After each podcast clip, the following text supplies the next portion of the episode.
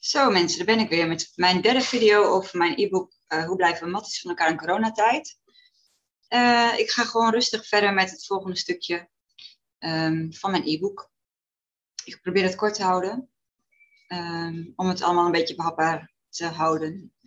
Het volgende stukje eh, gaat over, nou ja, sinds we eigenlijk met corona te maken hebben, zijn we veel meer digitaal gaan communiceren met elkaar. En dat heeft op zich natuurlijk ook voordelen, want door die digitale communicatie, al die nieuwe mogelijkheden en uh, dat wij als mensen daar nu een stuk makkelijker de weg in kunnen vinden. Ja, dat, is, dat levert natuurlijk ook heel veel positiefs op. Hè? Ik bedoel, je kunt veel meer mensen spreken op afstand. Je kunt veel meer discussiëren met elkaar. Je kunt elkaar, ja, de wereld wordt wat dat betreft ook groter. Hè? Terwijl je dus wel achter je scherm zit. Uh, ja, informatie kun je overal vinden je kunt eigenlijk met de hele wereld wel communiceren als je dat wil. Dus dat zijn natuurlijk voordelen. Maar er zitten natuurlijk ook heel veel nadelen aan uh, digitale communicatie ten opzichte van het normale menselijke contact. En uh, nou ja, wat, bij mij, wat voor mij het allergrootste nadeel is, is toch wel het missen van een verbinding onderling. Um, kijk, als je zeg maar digitaal met elkaar communiceert, en oké, als je elkaar ziet, dan zie je ook nog een stukje van de non-verbale communicatie. Dus dat, dat is tenminste al wel een stukje wat zonder beeld nog minder.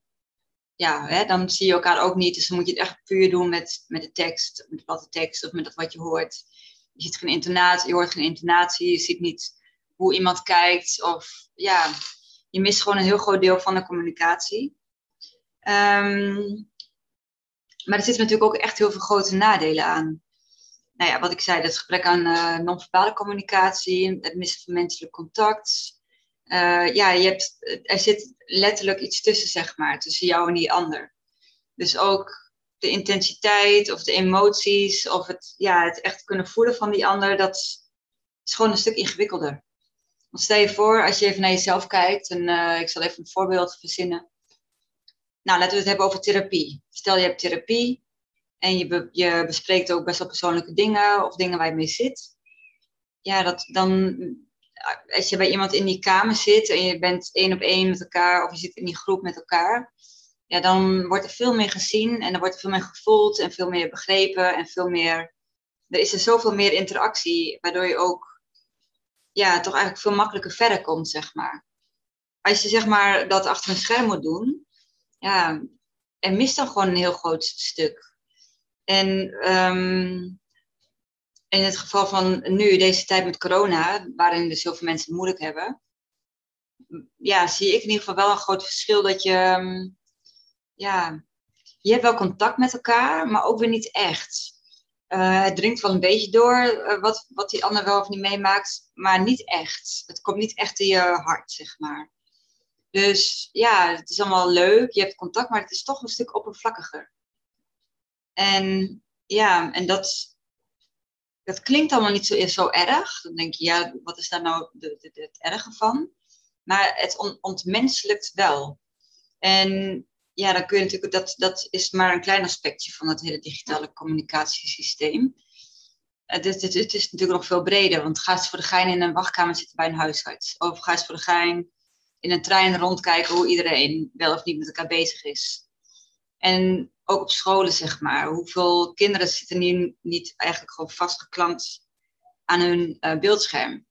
Om daar vervolgens op Facebook of op Instagram of op TikTok hun sociale leven um, ja, te onderhouden. Maar eigenlijk, eh, ja, dus iedereen zit zeg maar zo, wauw, op mijn scherm, ik ben druk, met al mijn vrienden moet ik appen en weet ik het allemaal. Maar het echte, echte menselijke contact die, ja, die is daarmee gewoon echt drastisch verminderd. En dat, ja, ik vind dat zelf wel echt een probleem. En dan helemaal met name ook, hè, dat je kunt elkaar steeds makkelijker, je kunt elkaar makkelijk verkeerd begrijpen. Dus op het moment dat je alles digitaal uitspreekt, en helemaal als het nu over corona gaat en dat het wat emotioneel beladener thema's zijn, dan ja, dat is zo makkelijk om in conflict te komen met elkaar.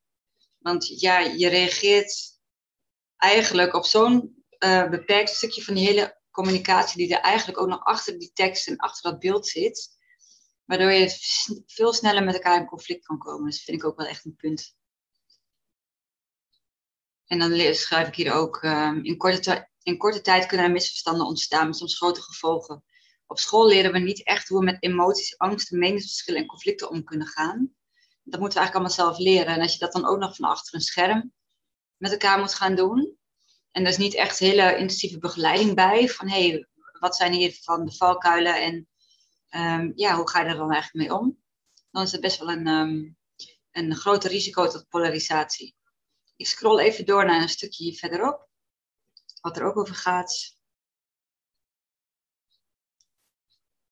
Even zoeken, ondernemers. Uitgestelde zorg, jeugd. Um.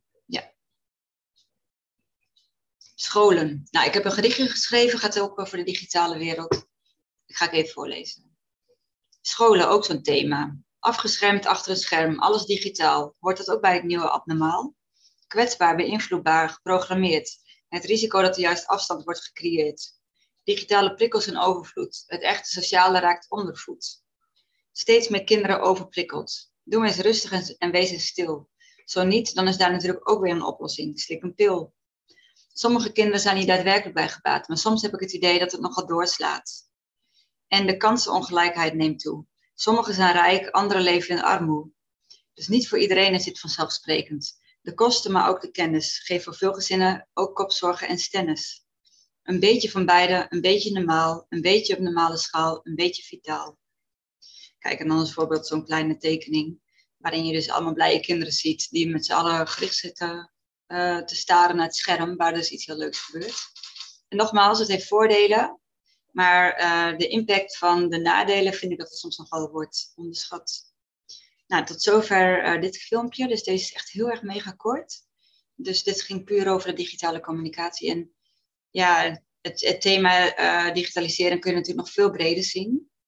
En, en dat bespreek ik dan nu niet. Ik wil, wil het wel even kort benoemen. En dan heb ik het over um, de kwetsbaarheid.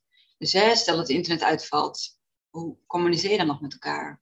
Um, maar ja, dat kun je echt veel breder doortrekken naar bijvoorbeeld de privacy. Hoe weet je wie wat ziet en wat wordt ermee gedaan?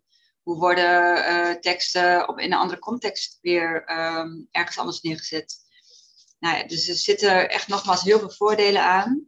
Maar de nadelen, en helemaal nu in coronatijd, en dan met name de digitalisering op het gebied van communicatie, vind ik wel echt een punt van aandacht. Dus ja, nou, het is gewoon een stukje weer om over na te denken. Dus niet om daar heel negatief over te zijn, maar wel dat je misschien zelf ook iets herkent. Dat je dan denkt van, hé, hey, herken ik dit en klopt het? Kijk, kijk bijvoorbeeld eens op een website waar wordt gediscussieerd over het coronavirus. Nou, dan is het ook heel veilig ook om daar keihard je mening neer te zetten.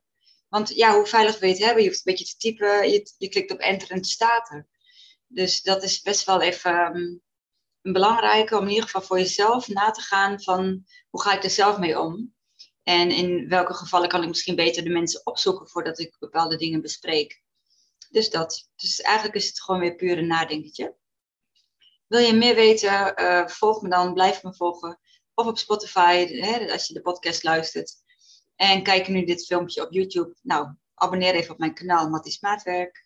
Druk op het belletje, zodat je ook een melding krijgt. En druk op het duimpje onder de video als je waardeert wat ik deel. En een reactie is ook welkom. Ik blijf het zeggen, mits het leuk en normaal geformuleerd wordt. Want ik geloof niet in heftig gedoe. En ik geloof wel in uh, een gezonde discussie. Maar dan wel op een gewoon positieve manier. Dus, nou, hartstikke bedankt voor het kijken van dit hele korte filmpje. Ik ga deze afsluiten en door naar de volgende video. Een fijne dag vandaag, 25 september.